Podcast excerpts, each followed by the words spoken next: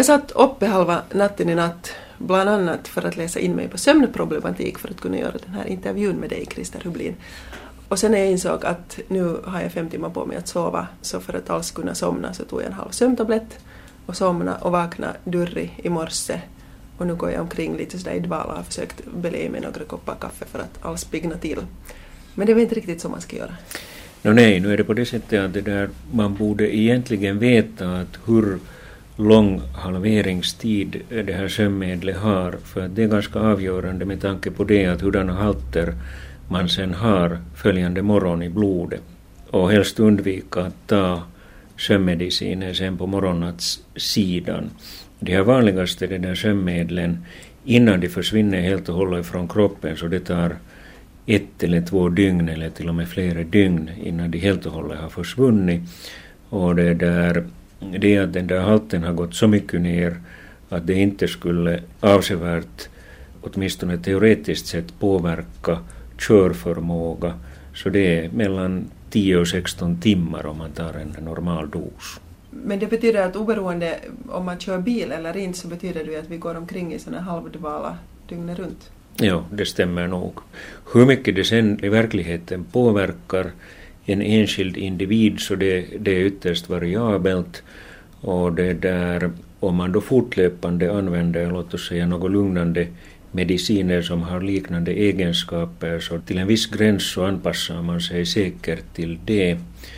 Det bör man ju också komma ihåg att mm, den här triangeln på de här medicinerna ingalunda liksom betyder nödvändigtvis det att man inte skulle få köra bil. Det är bara det att man, det är en påminnelse liksom på det att man borde fundera att hur, hurdan effekt det har. Om vi tänker till exempel på epilepsimediciner som också har de här trianglarna så det där man kan säga på ett sätt så att det att det här medicinen tas regelbundet kan hos en epileptiker vara liksom det där förutsättningen att man kan köra bil, det vill säga att man är utan de här anfallen. Att man bör alltid individuellt sen liksom fundera att vad det betyder och hurdan effekt det har. Mm, och på samma sätt så har du sovit dåligt en natt så är du inte heller kanske världens bästa chaufför följande Nej. morgon. Nej, det är det nog inte och det finns ju sådana forskningsresultat som tyder på det att det där har man då använt eh, ett sömnmedel som har en sån här kortare halveringstid vars resthalt följande morgon är då mycket liten så det där man klarar sig i sådana här körprov då bättre efter att man har sovit lite bättre med sömnmedel än att man då har sovit mycket, mycket dåligt utan sömnmedel. Men det är individuellt och det där, där är stora skillnader mellan olika sömnmediciner. Kan du säga något preparat som, liksom, som man är piggare på morgonen eller inte? Vilka, vilka ämnen är det som hålls längst i kroppen?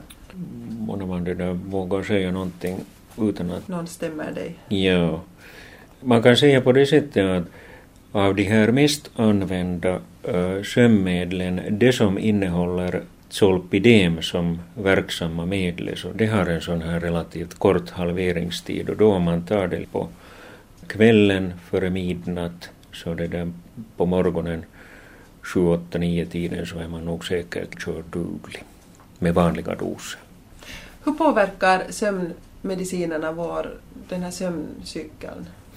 No, det varierar också att de här nyare liksom, alltså nyaste generationen av de här sömnmedlen ändrar inte på den där sömnarkitekturen, men de här lite äldre sömnmediciner som har varit då en, en låt oss säga 15 år eller längre på marknaden, så de minskar liksom på den här djupsömnen och sen också på REM-sömnen och istället så kommer det då, då en sån här lätt och, och det där medeldjup sömn. Som inte har någon funktion alls? Eller? Eh, som inte enligt dagens uppfattning har så stor betydelse att det är ju djupsömnen som har den här bästa effekten med tanke på det att man känner sig liksom utvilad och sen har det också betydelse med tanke på vissa minnesfunktioner och sen eh, den här REM-sömnen, drömsömnen, så det där den har betydelse sen med tanke på minnesfunktioner och sen på sån här psykisk balans. Att de här viktiga liksom sömnfaserna så det där, de kan då minska om man använder sådana här lite äldre typens sömnmediciner. Men, men icke desto mindre, så jag menar, sover vi för lite eller ligger vi och vrider oss så mår vi inte heller bra. Och vi är trötta och vi är okoncentrerade och det kanske kan leda till en depression så småningom och Mm. alla möjliga problem. När skriver du ut sömnmedicin åt dina patienter? Nå det där nu, om vi tänker liksom på eh, vilka de här officiella de där indikationerna på de här sömnmedlen är, så det är ju liksom kortvarig sömnlöshet. Och alla vet vi ju att, att största delen av de här sömnmedlen går till kronisk bruk så att säga. Det vill säga man blir beroende av det. Eh, Man kan bli beroende och det kan vara svårt sen att sluta den där medicineringen. När den här sömnlösheten då blir långvarigare, det vill säga mer än en månad, så det där borde man allt mera och mera försöka utnyttja sådana här icke-medikamentella mm, behandlingsmetoder. Men tyvärr så är det på det sättet att det är inte så väldigt många som riktigt eh, är inne på det området Du menar av läkarna? eh, läkarna eller psykologerna och det, det är nog väldigt synd. Många gånger så det där istället för de här egentliga sömnmedicinerna så, så det där används ju sen sådana här antidepressiva medlen på en dosnivå som är mycket lägre än vad man använder till behandling av egentlig depression, att man liksom utnyttjar mera den här tröttande effekten av de här medicinerna. Och det där, deras effekt kommer andra vägar än, än alltså med de här egentliga sömnmedicinerna som alla använder, det här GABA, GABA det där systemet, eller benzoreceptorerna i hjärnan. Och de här andra, GABA-systemet. Eh, No, GABA-systemet är ett sånt här transmittersystem, alltså ett sånt här signaleringssystem i hjärnan som är det viktigaste hämmande systemet. Men det där till dess egenskaper hör tyvärr att om den blir utsatt för en sån här fortlöpande medicineffekt så den tappar då känslighet, det vill säga när det är frågan om sömnmediciner som man behöver en större dos för att få samma effekt. Nu finns det ju vissa orsaker, till exempel om man vaknar tidigt på morgonen och inte kan somna om så kan det bero på en depression, inte sant? Mm, det är mycket vanligt. att somna på kvällen så kanske det är för att man ligger och tankarna snurrar och man Ja, eller att man är spänd, Ja. spänd eller ångestfylld eller någonting sånt här. Och de sakerna kanske borde skötas innan man börjar ta sömnmediciner. För att No, det borde man absolut och sen om man har då ur sömnsynpunkt icke goda vanor och det där icke goda vanor, tio koppar kaffe.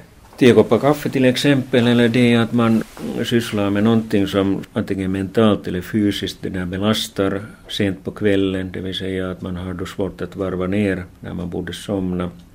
Det är väldigt många sådana här helt vardagliga saker som man borde gå igenom och fundera om det är låt oss säga störning från omgivningen, trafik eller någonting annat, skulle det då vara kanske eh, vettigt att använda öronproppar istället för sömnmedicin.